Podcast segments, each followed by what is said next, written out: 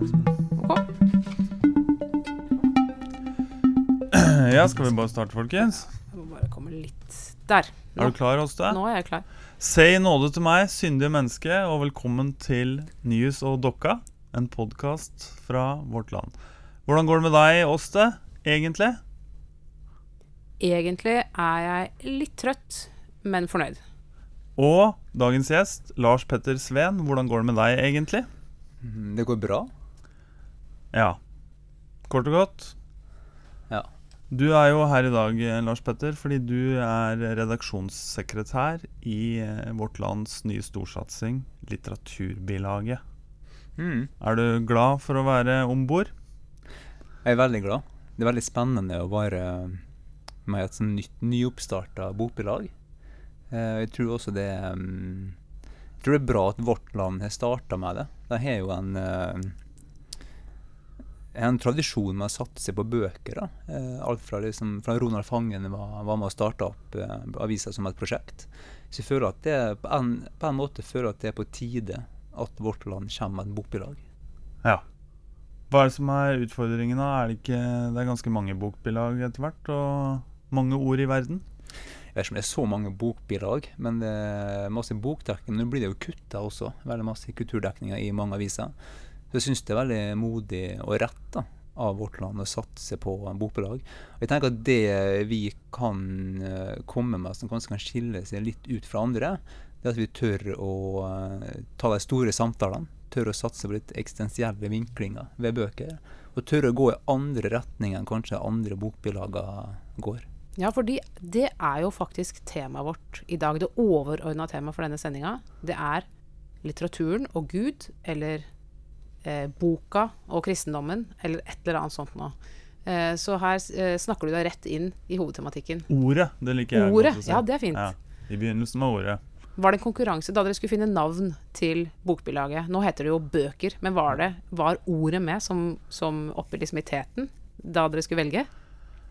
Det veit jeg ikke, men eh, jeg regner med at det har vært det. Uh. det hadde bare måttet vært litt tøffere hvis jeg hadde Ordet. da. Det hadde fått en veldig tyngde. Men ja. Og nå er det for seint, eller kanskje vi skal prøve å lobbe litt? vi kan prøve å lobbe litt. Men altså, valget Bokmagasinet har jo generelt ikke de mest spreke navnene. Klassekampens bokmagasin, Vårt Lands bøker. Ja. Ja. Hva er det som har vært eh, på en måte er den ypperste saken hittil? Hva er det dere, hvem er det dere, hvilken sak er det dere sikter etter når dere skal eh, på en måte finne kvintessensen av dette bokbilaget, og hva dere skal være? Jeg syns det er to ting som eh, jeg vil trekke fram. da. Eh, det være fra det første nummeret, med Ann Carson på framsida. Ja. Vi syns det er veldig spenstig gjort eh, av oss, eh, og som ikke hadde fått noe sånn stor dekning i Norge før det. Jeg syns det var en veldig god artikkel om Ann Carson. En flott illustrert framsidesak av Stian Hole. Det andre er, synes jeg egentlig er lederne til Alf Kjetil Valgemo, redaktøren i Bokbelaget, som jeg syns er veldig gode, informative og eh, ja, godt skrevet og godt tenkt. da. Ja, inspirert òg. Ja, ja, Ja, inspirert òg. Det, når folk leser Bokmagasinet, legg merke til hvordan framsidesaker vi har. Legg merke til Alf Kjetil sin leder. Eh, og så får vi se framover eh, om man vil finne en enda tydeligere vinkling etter hvert. da. Men jeg syns foreløpig er skiller vi oss tydelig ut. Ja. Både i utvalg av bøker og hva vi skriver om. Jeg fiska jo etter at du skulle trekke fram min anmeldelse av Jordan Peterson, men det gjorde du ikke. Men jeg kan trekke fra den, for den, den var, var vi veldig glad for å få. Fordi eh, altså, bare man rører borti Jordan Peterson, så blir det veldig sånn betent. Man begynner å være liksom for eller imot. Vi hadde jo en ganske heftig debatt i avisene i sommer Mm. om hans bøker. Men det som slår an når man leser om Jordan Peterson i Norge, det er jo for det første at det er jo kanskje ikke alt som er så relevant for en norsk offentlighet. Men det andre er jo hvor sint folk blir, ut ifra uten å kanskje ha lest bøkene sjøl.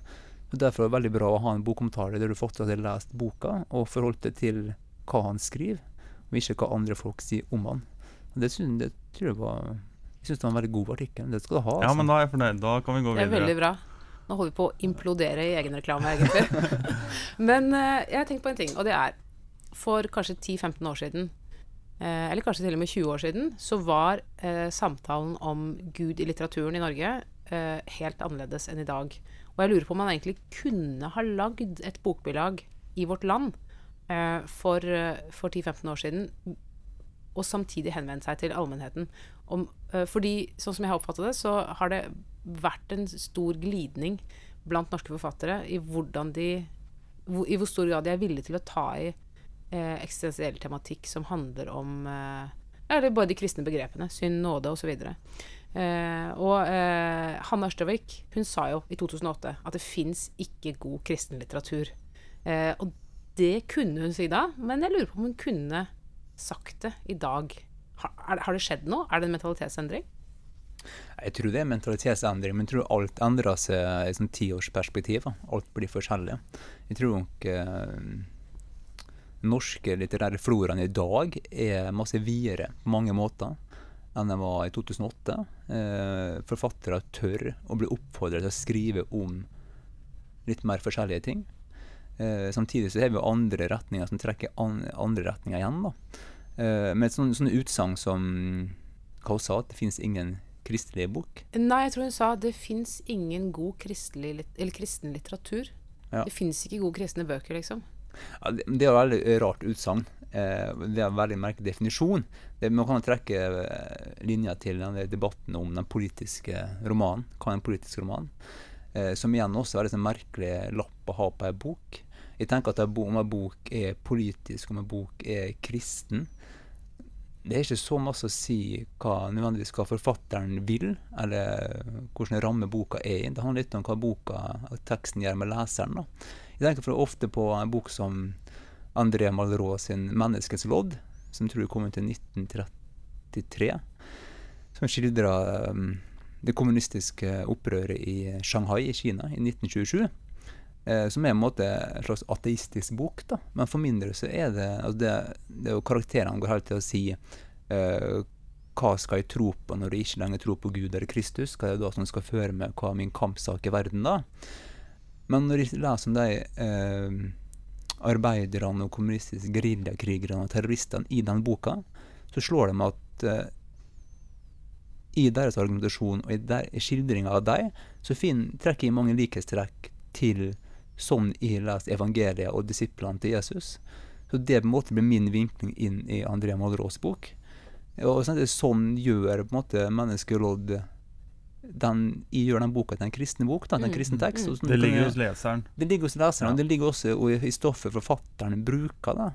Og jeg tenker at En gang en bok lukker seg, eh, så kan ofte boka bli svakere. Den trenger ikke være, men ofte så blir den svakere. Så et utsagn som at det finnes ingen kristelige gode bøker, eller noe sånt, da, det, da lukker man på en måte forståelsesverdenen om bøkene. Og det tenker jeg, det, det tror liksom, det tror ikke man er så interessert i å gjøre i dag. da. Ja. sånn som Kjell Arild Pollestad, han sa i et intervju med Alf Ander Hagen, um, at, uh, som for øvrig står i Håp er hellig, som vi har gitt ut på Vårt Land forlag, uh, men uh, han sa at han gadd ikke å lese norsk samtidslitteratur lenger, for han merka at de problemstillingene som ehm, personene, som driver personene i de bøkene, de er ikke hans. Altså han, han syns at uh, norsk samtidslitteratur er for uh, forholder seg for, på en måte for smått til livets store spørsmål. Uh, og, at, og at det ligger noe i selve tematikken som kanskje ikke berører eh, krist, hva skal jeg si, eksistensiell tematikk, da. Eller de overordna kristelige, kristelige tematikken. Så det er umulig å, å finne det som du fant i 'Menneskets lodd', eh, i den nye eh, samtidslitteraturen. Jeg, jeg, det vil jeg ikke si, altså. Jeg, tror, jeg, vil, jeg vil si at det finnes spor av veldig mye eh, i den norske litterære floraen, som er veldig stor. Men så kan man jo spørre seg hva er det som blir løfta fram? Hva er det man snakker om? Og der tror jeg at vi i Vårt Lands Bokmagasin Bøker kommer til å være en viktig, viktig tilskudd da, på hva vi vil løfte fram. Vi har jo mange unge forfattere som har skrevet stort og bredt. Vi har f.eks. Eivind Hoff Evjemo, som med boka 'Jeg skal vise deg et ansikt av kjærlighet', som skriver også om en norsk kommune i Trøndelag. Og da sier det seg at når du skriver om en hel kommune med alle innbyggerne, og alt fra innbyggerne til det som gulvet i en gymsal, så er det mange perspektiv i samfunnet som kommer frem, også religiøse. da. Vi har jo andre forfattere som Helga Flatland, som skriver om eh, deltakelse i Afghanistan-krigen av unge norske menn. Eh, så det, det er mange bøker som man kan trekke fram, men det er også viktig at man da løfter fram det som skiller seg ut, da, så vi ikke går i den fella at norsk samtidsprosa bare handler om forfattere som skriver om enslige karakterer i lukka rom, Mm. eh, som diskuterer det å skrive eller det å være ensom. Vi må på en måte eh, hjelpe til å løfte fokuset vekk fra det. Ja, Var det en diss av Hanne Ørstavik, eller? Det jo ikke en diss av Hanne Ørstavik. Eller fra livet, livet i Ullevål Hageby. Eh, det vanskelige livet i Ullevål Hageby. eh, nå, er jo, nå skal jeg si sånn som Fredrik Skavlan sier, nå er jo ikke Hanne Ørstavik her til å forsvare seg. Men, eh, men kan man ikke argumentere for at uh, hennes første bok, 'Kjærlighet', også er kristen, på sett og vis? Hvis jeg skal gjøre meg litt uh, vanskelig eller spissfindig? Jo, jeg syns jo at uh, store deler av Hanne Ørstaviks forfatterskap Altså, det beveger seg jo helt eksplisitt inn i kristelige sfærer. Altså, Ja. det er eh, teologistudenter og Norges Kristelige Studentforbund og eh, hele pakka. Så, så, og, og denne presten eh, i, i Nord-Norge som vi skriver om. Så, så hvis eh, hun skal dømme seg selv, da, så har hun i så fall et veldig snevert syn på hva en kristen bok er. Ja, for det er nesten så innbiller, innbiller meg at hun ser for seg en slags etikett som er klistret ut på boka. Ja, er det en roman, eller er det en kristen bok? kristen bok.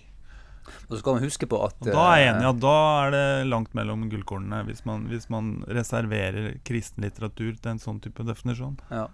Men så er det ofte sånn at det er ikke alltid at forfatterne sjøl er de mest rause med å omtale sine verk eller andre verk. Ofte så har de veldig smale rammer på hva som er gode bøker, og det gjør at jeg sjøl skriver veldig godt. Han Ørstavik er et, eksempel på det.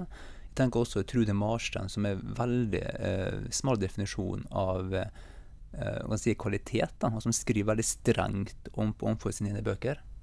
Eh, men hun skriver også utrolig gode bøker, da. Selv om man en- på ene sida kan si at Trude Marstein sine bøker handler liksom om det lukka rom små mennesker og detaljene. Så kan man også si at Trude Marstens bok handler om det å være menneske, da. Det å høre til i verden, og hva gjør vi med hverandre. Så jeg tenker ofte at når forfatterne har så smale rammer, og har så sterke definisjoner og strenge syn på seg sjøl, så kan det ofte skape noe veldig spennende natt ut ifra sånt, sånt lukka rom. da. Ja, de to er jo to av Norges aller mest eh, spennende forfattere, så det, jeg syns vi skal åpne rommet for dem. Skal Men, vi, uh, ja, Åste? Uh, har, du, har du lest en god kristen bok noen gang? Uh, ja, altså, jeg, jeg godtar ikke problemstillingen. Så jeg, jeg, altså, jeg mener jo at all litteratur som skal si noe, har ambisjoner om å si noe sant om livet og virkeligheten, tangerer eh, livets dypeste spørsmål. Så jeg, jeg godtar ikke disse kategoriene som Hanne Ørstavik da satte premissene her for. Du og Lars Petter? Jeg syns det er veldig vanskelig, litt fordi at jeg har, ingen kristelig oppvekst. Jeg er oppvekst i et ateistisk hjem. Uh, uh, men det er ei bok som jeg alltid tenker på, som jeg tenker som er god kristen bok. da. Og det er José Saramagos 'Jesus i evangeliet'. Jeg tror han kom ut i 1993. Eh, han fikk vel Nobelsprisen, men han fikk prisen året etterpå eller før. Men den, den boka, 'Jesus evangeliet', ble jo frarådt av Portugals egen utenriksminister. Han ble nesten for, forbanna i, i eget land. da. Og det er jo en bok av ateist. Saramago var jo ateist. Han var beinhard ateist. Uh, og han gjør nesten narr av Jesus og hele evangeliet i hele boka. Uh, underveis i boka. Men samtidig så er det blikket hans da, som er for meg så nytt på evangeliet, på Jesus, på faren til Jesus, altså i boka her, Josef, eh, som gjør noe med hele mitt syn på eh, min egen kristentro, på evangeliet eh, og på historien om Jesus, som gjør at jeg vil titulere den boka som ei god kristen bok. da. Men er du av dem, Lars Petter, som leste deg til din kristendom? Ja, delvis. Delvis, delvis lesing, delvis personlig krise. Jeg tror det var sånn klisjéfylt vei inn i kristendommen. Søren Kirkegård og alt sånt. Ja. Ja. Men en bok som jeg tror man nesten må bli kristen av å lese, så herved er alle advart, det er 'Gilead' av Marilyn Robinson. Å, den er så bra. Den er så bra. Og eh, den er jo helt sånn åpenbart en kristen bok eh, på alle mulige måter. Og likevel er det fortsatt en knallgod bok. Hun blir jo nevnt i hver gang eh, nobelprisvedderne skal eh, finne ut hvem som, hvem som vinner. En nydelig bok. Jeg syns den boka også er Det er en bok som jeg nesten vil også burde si er, er politisk eh, underveis. Du kan kanskje si noe så veldig mer om det, for det vil røpe Ja. en sentral slutt i boka. Ja. Men jeg syns denne boka er veldig sterk. Den er dypt politisk. Mm. Og den kom ut Nja 2003 eller noe sånt. Ja, jeg Omtrent den var eldre, 25 år det etter forrige det kan boka stemme. hennes. Ja. Mm. en sendrektig bok. Senere bok, og også en slags uh, fødselshjelp, tror jeg. For hun har jo skrevet to eller tre bøker etter det igjen. Så hun virker som hun nesten Litt sånn som José Saramago. Man begynner å skrive det virkelig gode, gode bøkene i godt voksen alder. Ja, men hun skrev, hun skrev jo to oppfølgerromaner i samme serie, pluss at hun har skrevet flere essaysamlinger. Ja, da må vi ha litt himling, en ytterligere himling over dette her hos det, som om det ikke var nok allerede. Og da, Ja, da den kristne boka over alle kristne bøker er Ja. selvfølgelig Bibelen. Det er Bibelen, Eh, også og kjent som det- Bibelen. Så vi bringer oss til dagens bibelhistorie. Og jeg har tenkt på eh, hvilke bøker som dukker opp i Bibelen. For det er faktisk noen bøker i Bibelen. Altså, da tenker jeg ikke på eh, at Bibelen består av mange bøker, men at det er noen bøker som spiller en rolle i Bibelen. Eh, jeg tenkte på flere forskjellige, bl.a. Livets bok. Men jeg landa på eh, eh, det stedet i Lukasevangeliet hvor Jesus på en måte står fram for folket. Eh, for der har Jesus allerede blitt eh, døpt av Johannes. Han har vært ute i ørkenen og blitt frista. Og vender tilbake til Nasaret, der det begynner å gå rykter om at han, det er noe spesielt ved han. Em, og så går han inn i synagogen, og de rekker han bokrullen. Eh, og han slår opp på Jesaja, eller han ruller opp på Jesaja, vil jeg tro. Det er slik det skjer. Eh, og leser det som står der. Og eh, han sier eh, Herrens ånd er over meg, for han har salvet meg til å forkynne et godt budskap for fattige. Han har sendt meg for å rope ut at fanger skal få frihet, og blinde få syn igjen, for å sette undertrykte fri, og rope ut et nådens år fra Herren. Og det som er interessant, er hva han sier etterpå. For han sier i dag er dette skriftordet blitt oppfylt mens dere hørte på. Så veien fra boka til virkeligheten skjer ved at boka leses. Eh, ved lesning så blir eh, bokas innhold virkelighet. Det er en, eh, en klassisk talehandling, kan vi si. Den sterkeste boka i boka, vil jeg si. Så bra. Og så er jo ehm, Det kan jo ta oss inn i eh, neste parti av denne podkasten. Fordi Lars Petter, du er jo ikke bare redaksjonssekretær i Vårt Lands nye litteraturbilag. Du er jo forfatter selv. Og, og så vet jeg at eh, du kanskje kommer til å Du liker ikke Liker ikke denne etiketten, men du er vel også omtalt som en såkalt kristen forfatter. Og da blir du litt fnisete, har jeg skjønt? Prøv å ikke fnise for mye nå, men prøv, men prøv å forklare hvorfor eh, Hvorfor det, du syns den, eh, den etiketten lugger litt. Nei, det, det er en veldig rar etikett å ha på seg. Um, jeg synes det er veldig jeg, tror, jeg tror jeg har fått den etter min tredje bok, 'Guds barn', der jeg skrev om uh, Jesus og disiplene og plasserte romanen på Jesu tid. da.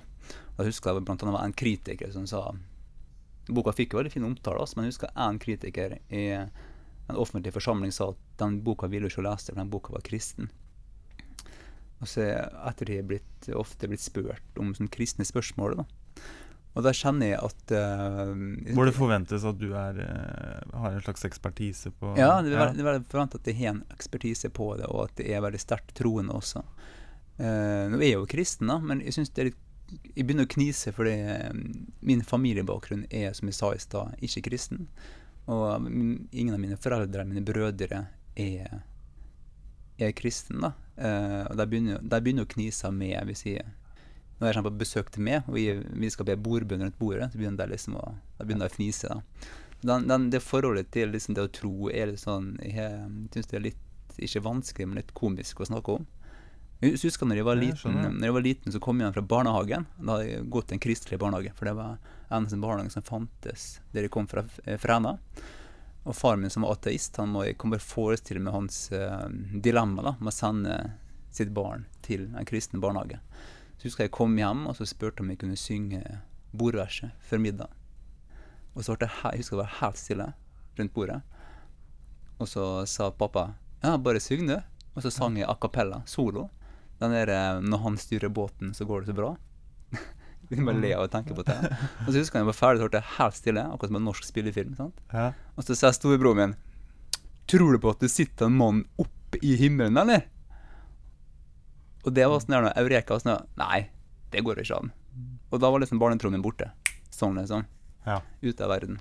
Og dette Eh, klinger med når du i dag liksom konfronteres med det samme. Ja, for jeg syns det er litt komisk av alle folk å bli kalt som skal bli kalt en kristen forfatter, eh, så blir jeg kalt det.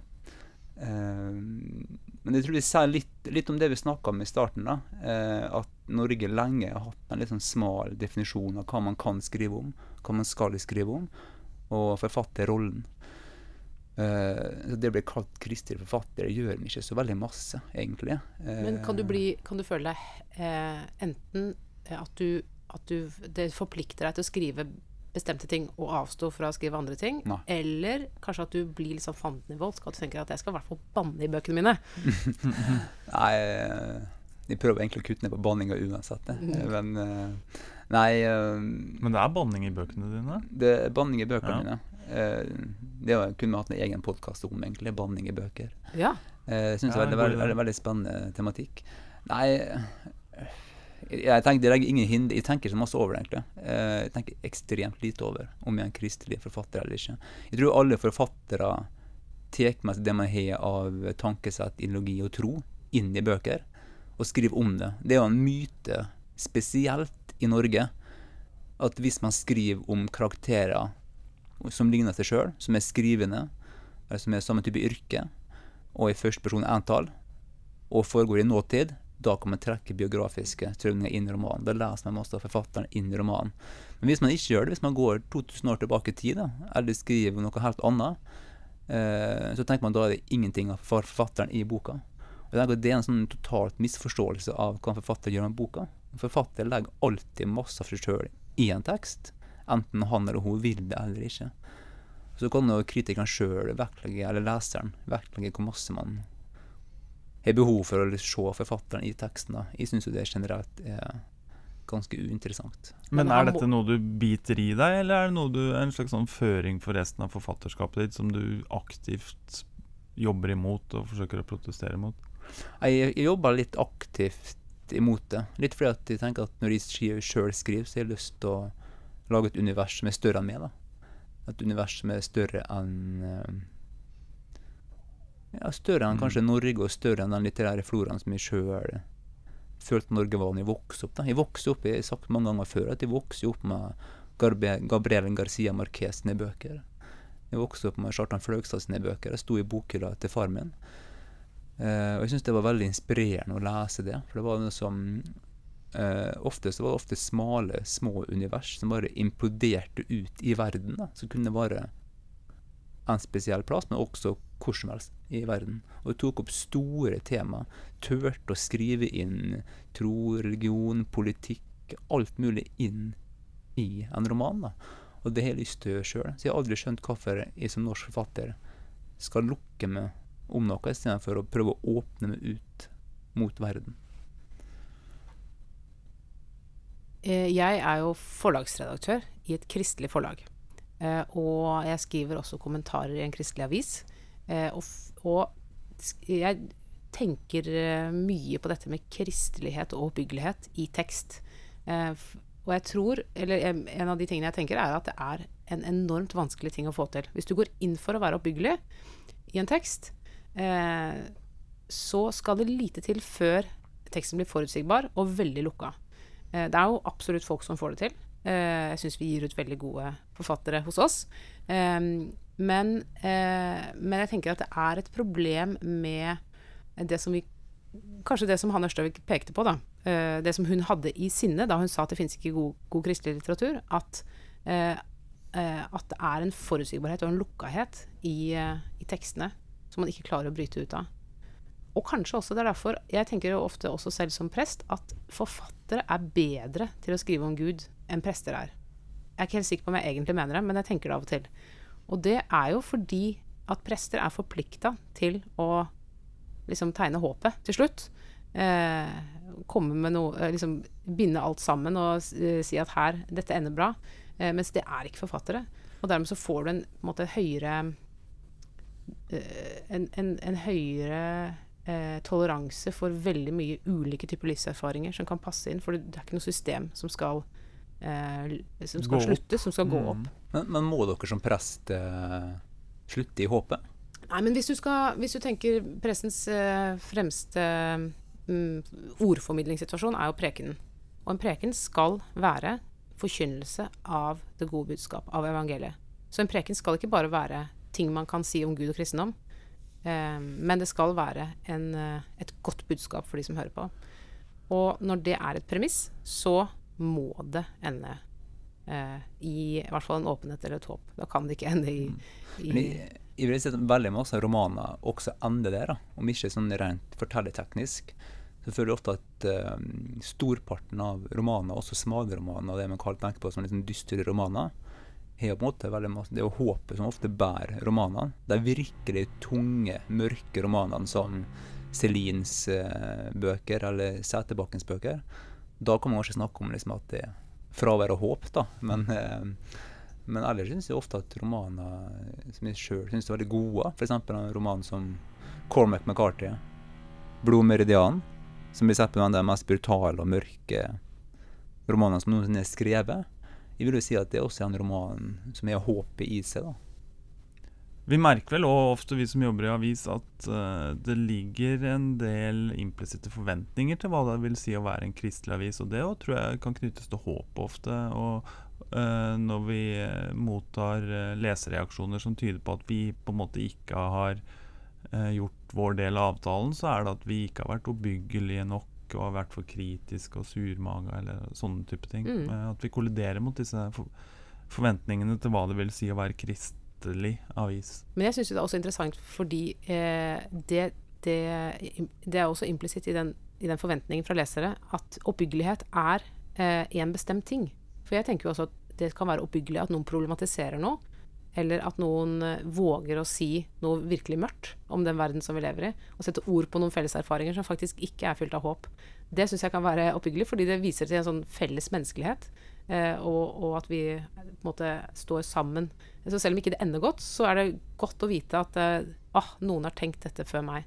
Eller noen har formulert dette for meg. Jeg tenker akkurat det, f.eks. en forfatter som Svetlana Aleksejevitsj sine bøker er jo, går hun akkurat inn i en sånn forståelse av håp og mennesker. Ved at hun gir en stemme til de som ikke er blitt hørt. Man får høre historier som aldri blir fortalt. Og i, i det vonde man leser da, om, i hennes bøker, om det er unge menn som var i Afghanistan på 80-tallet for russiske tropper, eller om det er de kvinner som kjempa i fronten av andre verdenskrig på russisk side, så finner man sånn en veldig styrke, en veldig tro på noe større enn mennesket. Som jeg tenker gjør hennes bøker sånn veldig Det er nesten vondt å si, men sånn, det nærmest de kommer oppbyggelige bøker, da, er å sitte og bla i Svetlana Aleksejevitsj sine bøker. Mm. Det minner jo om noe Thomas Seltzer har sagt, at uh, når, han, uh, når han er langt nede, så leser han eh, om, uh, om eh, kamper på østfronten. Ja, hva skjer er- med han da? Da blir han da glad? Blir han, eh, det er oppbyggelig litteratur for Sånn det kunne vært verre? Eller mer sånn eh, Nei, verden har alltid det- vært elendig? Ja, kanskje det. Altså, nå, nå er ikke han heller her, akkurat som han i Ørstavik, så jeg vet ikke helt. Men eh, det eh, Poenget er vel det samme, at eh, det, det, det fins noe Det fins mat for Mons i det aller sorteste òg. Mm.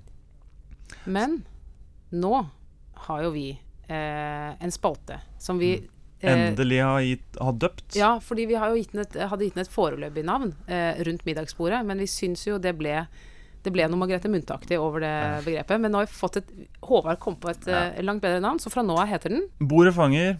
Bordet fanger. Mm. Da skal du få æren av å være førstemann ut på Bordet fanger, eh, Lars Petter. Premisset er det samme.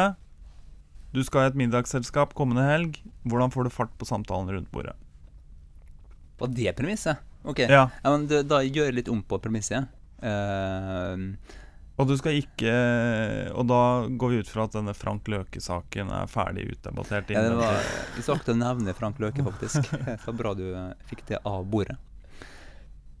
Altså Hvis det hadde vært min far, mor og far hadde, hadde vært på middagsselskapet, så tror jeg faktisk jeg ville stilt deg det spørsmålet som jeg alltid sier skal stille, men som jeg aldri husker på å stille. Nemlig hvordan var det å være deg når de var like gammel som meg hadde tre barn og sto midt oppi alt det hverdagslige? det tror jeg ville, ville tatt med til en middagssamtale med mor og far. Men hvis det bare var en sånn stor middags fin, fint middagsinvitasjon jeg har fått, og skulle dra på tema, så tror jeg faktisk jeg ville tatt eh, det som jeg aldri får snakka med noen om, eh, men som jeg nå antar at det middagsselskapet kan veldig masse om, nemlig N. Sexton sin eh, poesi. Det har vært et fint tema for en middagssamtale. Ja, det hadde engasjert uh, i ditt uh, middagsselskap, ja. Ja, hvis vi kunne plukka ut, uh, plukka ut uh, gjester til middagsselskapet, Ja. tror jeg det blitt en skikkelig bra samtale. Altså. Men da må du jo først da plukke ut de riktige gjestene for å kunne svare på spørsmålet. Ja, men vi antar at det er et middagsselskap der liksom alle virkelig Ja.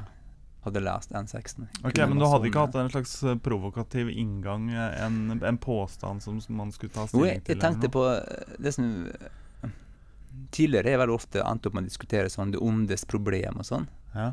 Eh, det er alltid artig å ha hvis vi har en psykolog ved bordet. sant? Så kommer alltid en psykologisk vinkling på det. Har du en forfatter som meg, så begynner med sånne skjønnlitterære eksempler og sånn, og bare finne på ting. Eh, og så er det jo ofte en, en fra Blindern som har kanskje lest litt Arne Johan Vetlesen og um, sin sine eks og sånn, så du får ofte en artig samtale om ondskap. Det syns jeg er veldig interessant å snakke om, for det går aldri ut på dato. Eh, og det er artig. Men det å provosere i seg sjøl fører jo veldig sjelden til gode samtaler. Jeg har en veldig god venn som uh, hver gang han arrangerer selskap hjemme hos seg, eller hver gang han er på fredagspils eller hva som helst, så har han laga en liste over ti punkt. Jeg vet hvem du tenker på. ti punkt som han, han skal gå gjennom. da. Sånn at Hvis det blir pinlig taushet, så har han den ti punkta på, på telefonen sin, så finner han fram. Funker det bra? Jeg tror for han funka det veldig bra. Eh, kanskje mange rundt om, men av og til så kan det jo bli litt sånn eh, skapt dilemma også. Mm. Eh, ok, Åste, hva har du til bordfanger? Ja, jeg skal et lite hakk opp i overflaten. Jeg snakker om noe litt mindre alvorlig, og det er rett og slett TV-titting. Fordi eh, i sommer så vendte jeg meg av med å se på TV. Vi var eh, steder hvor det ikke var eh, gode TV-forhold, så jeg så ikke på TV. Og jeg har egentlig ikke sett på TV etterpå heller, i noe særlig grad. Det liker jeg veldig godt. Og jeg har også begynt å tenke eh, Er det egentlig rett å se så mye på TV som vi gjør, i vår generasjon, i vår tid? Når vi havner på gamlehjem en gang der framme i tida, og ser tilbake på livet vårt, vil vi angre på alle de tusenvis av timene vi kasta bort på Netflix? Eller vil vi være stolte av livsverket vårt, nemlig å konsumere ting fra USA? Ja, ok. Eh, men vi bruker vel strengt tatt mer tid på å sitte på en dataskjerm eh, og jobbe Ja, men da foran en jobber vi dataskjerm? jo. Da jobber vi jo, det er jo produktivt på Ok. en annen måte. Ja, men da Ok, jeg må bare få gi deg litt motstand, så Ja. tror jeg tiden mennesker bruker på å sitte og se på lineær-TV, har gått ned de siste Ja, men, årene. eh, ja, selv ja. med Netflix og alt det der. Men, men Netflix er jo ikke lineær-TV. Altså hvis du ser, bare tenker på serier, TV, det vi, det vi oppfatter som TV. Sitte og se på ting, dramaer som utspiller seg på skjermen, liksom. Ja. Det er ikke Det tror jeg er rimelig konstant. Selv om vi ikke ser så mye på lineær-TV lenger. Nei da, vi ser jo definitivt mer på eh, såkalt kvalitetsserier, og det har jo vært en, en foregått en sånn kulturell oppvurdering av Ja, TV-serien eh, målt mot avisene boka. og NRK og sånn anmelder jo TV-serier. Ja, det syns du er noe tøys og tull. Eh, jeg er usikker. Jeg vil gjerne i hvert fall ha det opp i middagsselskapet. da. Eh, hva, Ja. hva tenker folk om dette? Altså, Bør vi fortsette på denne leien? Hva Ja, tenker nå- du, Lars Petter? Ja, hva sier du, Lars Jeg synes det er veldig spennende. Jeg leste nettopp det, et essay av Davy Foster Wallace om, om TV. Det var skrevet på 90-tallet. Da så han gjennomsnittlig amerikaner seks timer på TV hver dag. Men det han, han skriver litt om, da, er jo mm, eh, Det vi tar for å være realistisk og realisme, er jo på en måte skapt av det vi ser på TV og det vi ser på TV-serier. Og det tar eh, forfattere med seg inn i tekst, og det vi ser på som realistisk, er på en måte bare basert på det vi tenker om realisme ut fra TV-serier og skjerm. Og det syns jeg er veldig fascinerende, for det gjør noe med virkelighetsoppfatninga vår. Eh, spesielt når vi skal skape noe. Hva er det som er ekte, og hva som er sant, og hva som er virkelig betyr noe. TV-en smitter litteraturen. Ja, jeg tror virkelig smitter litteraturen. Og jeg syns det er også litt sånn Jeg syns det generelt sjøl at jeg forstår virkelig ikke hvorfor man skal se så masse TV-serier blant vi som skriver og som leser bøker, og så leser vi så lite bøker. Hvis man har tatt en undersøkelse på det, tror jeg kommer til å få mm, verre og verre tall i framtiden på det de som faktisk burde lese bøker. da, Som Ja, ja, men det er jo- ser mer og mer TV. Uh, leserundersøkelsene tilsier jo det. Mm, At og- uh, også de med, med høy utdannelse, de som tidligere leste, Ja. det går år for år går det ned. Det, det kommer til å få et sånt stort uh, hopp, tror jeg, eh, til fordel for TV-tittinga. Eh, ja. Det er jo Jeg, jeg syns generelt at den kvalitetshevinga er artig, men jeg blir nesten alltid skuffa over kvaliteten på TV-serier som skal være veldig gode. For jeg ser nesten alltid at de er ikke i nærheten av kompleksiteten til en roman. Nesten alltid. Du Men- ser jo form, formelen br- om og om igjen. Forutsetter ikke det resonnementet her at du ser på TV i stedet for å lese en bok? Men er det nødvendigvis tilfellet? For å ta utgangspunkt i, i meg sjæl, så handler jo ofte TV-titting om å koble av, og fordi jeg er utslitt og rett, antagelig en gang ikke ville hatt overskudd til å lese en bok, men akkurat en TV-serie kan jeg alltids kaste meg over. Ja, vi trenger jo rekreasjon, da. Um, Det er slik at her. hvis jeg skrudde av TV-en og i stedet satte meg med, ned med en bok, så hadde, hadde alternativet vært å sovne, ikke å lese høyverdig litteratur. Absolutt. Er det som er det er, det som er, men det er alle som sier at det er rekreasjon. Jeg kjenner jo sjøl at det er rekreasjon. Men det skiller mellom hva som er rekreasjon, og hva som man har lyst til å se på TV-serier. Hva man har lyst til å se episode etter episode. Eh, Så kjenner jeg nesten alltid for min del at det går på bekostning av bøker. Når jeg egentlig ikke Det er veldig sjelden at det bare er rekreasjon for min del å se TV-serier. Er Fordi jeg har lyst til å se det. Fordi det er utrolig spennende. Fordi jeg må se episode etter episode. Og det tenker jeg er veldig bra. da. Og når jeg er ferdig, så sitter jeg igjen med den samme følelsen. Dette er ikke nærheten av det jeg hadde fått ut av en god bok. Men dette er ikke kulturelle krampetrekninger, da? Ikke, kan det ikke være at uh, romanens uh, tidsalder er på hell? Jeg kan godt kalle det kulturelle krampetrekninger. Jeg kan godt si at romanen er på hell også. Eh, Men jeg kan også si at uh, den er litt varskoen, tror jeg. Og så kan man si at det som har gjort TV-serier så god de siste 20 åra siden 'Sopranos', er jo nettopp at de har gjort det romanen alltid har gjort. Uh, gjør alle karakterene komplekse. Gjør bad guy-komplekse, gjør heltene komplekse. Eh, trekker tidsbegrepet ut, ha mer plass til psykologisk aspekt. Så det romanen gjort lenge, tenker jeg. Eh, så tenker at det er, ikke, det er ikke romanen som blir dårligere, men eh, krampetrekningen er jo i så fall hvis de som leser bøker, slutter med å lese bøker, eh, og ikke er ærlige på hva de egentlig gjør, da. Men det skal også sies at da romanen kom på 1800-tallet, så var, ble det jo advart mot romanlesning. At unge piker skulle ikke holde på med sånn tullball. Å fortape seg i en Fortape seg i en fiktiv verden. historie, Ja. en fiktiv verden. Og ikke minst så var det jo mye romanser og eh, Kanskje jentene kunne komme på urene tanker hvis de leste for mye. Huff da. Mm, men det er jo ingen som advarer mot TV-serier nå. Alle applauderer. Alle Ja, det er det, og det er det som er så irriterende. Det at jeg sier Ja. altså, Mm. Folk som hører på meg nå, vil jo si at 'å, for en moralsk tufs'. Sant? Mm. Det er ingen som vil ta det se- seriøst nå. Men at nettopp det, da, altså TV-serier er en kontinuerlig seiersrekke. Ingen til å noe med det. Så tenker jeg helt greit av og til å sitte ved middagsbordet i samtalen og si at fuck TV-serier. Ja, det Hør er nok på mange som tenker at du er en ja. Og så tenker mange at uh, mange av lytterne tenker nå at du er en uh, uhelbredelig snobb og elitist og en surmaga forfatter som kjemper på det tapende laget. Men det var jo jeg som kom med temaet, så det var jeg Ja, det som var egentlig det. Oi, oi, oi, du, han, elitisten her. han ga sin fulle støtte til deg, Ja. mener jeg. Jeg koser jeg, er- jeg blir alltid glad når jeg kan bli kalt elitist med min bakgrunn.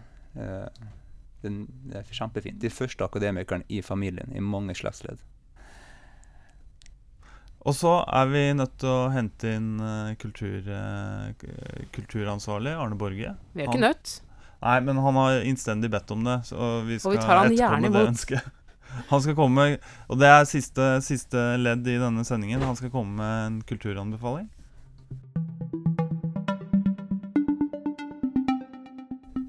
Ok, Arne Borge, velkommen til oss. Du er her for å gi oss en anbefaling.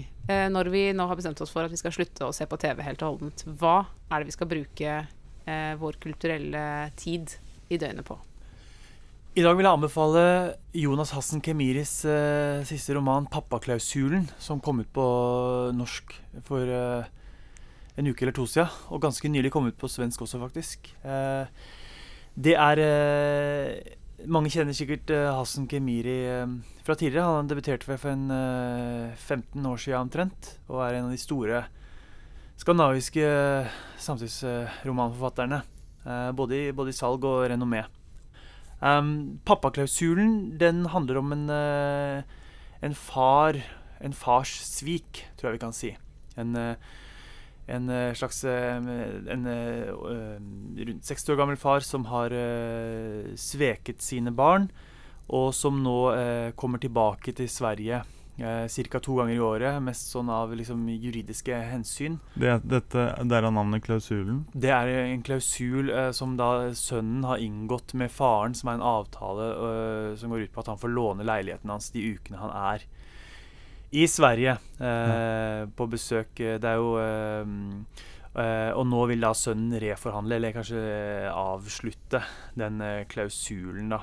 Eh, dette er jo, altså Dere kjenner jo sikkert til dette Tolstoy-åpningen av Anna Karenina om at eh, alle lykkelige familier ligner hverandre. og Alle ulykkelige familier er ulykkelige på hvert sitt vis. ja, ikke sant? Og, og Poenget her er jo da at det er ikke noe vits å skrive om lykkelige familier. Og det, Ja, for det er kjedelig, ja. ja, og det har jo da heller ikke Kemiri gjort da, i den, eh, i den romanen her.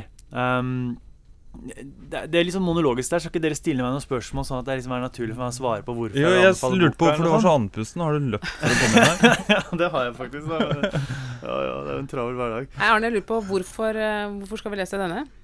Ja, Sier det noe om farsrollen i vår tid, eller er det bare et, eh, et individ? Ja, en av de tingene som jeg, som jeg hefta meg litt ved, er jo at uh, Kemir har jo skrevet mye om sånn type uh, minoritetsproblematikk. da kan vi si. Han er jo halvt, uh, halvt tunisisk selv, og både som, både som skjønnlitterær og som artikkelskribent i Dagens Nyheter, så er han, løfter han ofte en del sånne type politiske spørsmål knytta til minoritet, etnisitet, og raseproblematikk, sånne type ting. Um, men det, noe av det jeg liker med denne romanen, her, er at den, den på samme tid Ja, det er en slags Man kan snakke om annengenerasjons uh, erfaringer. Det kan man. Uh, en en forskjell med majoritetssamfunn og egne erfaringer. Men det er samtidig også en veldig sånn, uh, sånn middelklasseerfaringer uh, på samme tid. Uh, sånn, sånn, en sånn ganske klassisk småbarnsfamilietristesse. Eh, som, eh, som nok har en eh, ubehagelig høy eh, gjenkjennelsesgrad for de av oss som havna i samme suppa. Eh, Havna i ulykka. Eh, dette, han er hjemme på pappaperm, eh, han, eh, han som da vi kan kalle kanskje hovedrollen, da, som er sønnen til han eh, bestefaren. Ja. Uh, har hjemme med et barn på ett år og en eh, datter på fire år, som da egentlig går i dagis, da, men de våkner klokka fire hver morgen, så han må jo bruke de første fire timene av dagen på å vente på å få henne i barnehagen, eh, egentlig.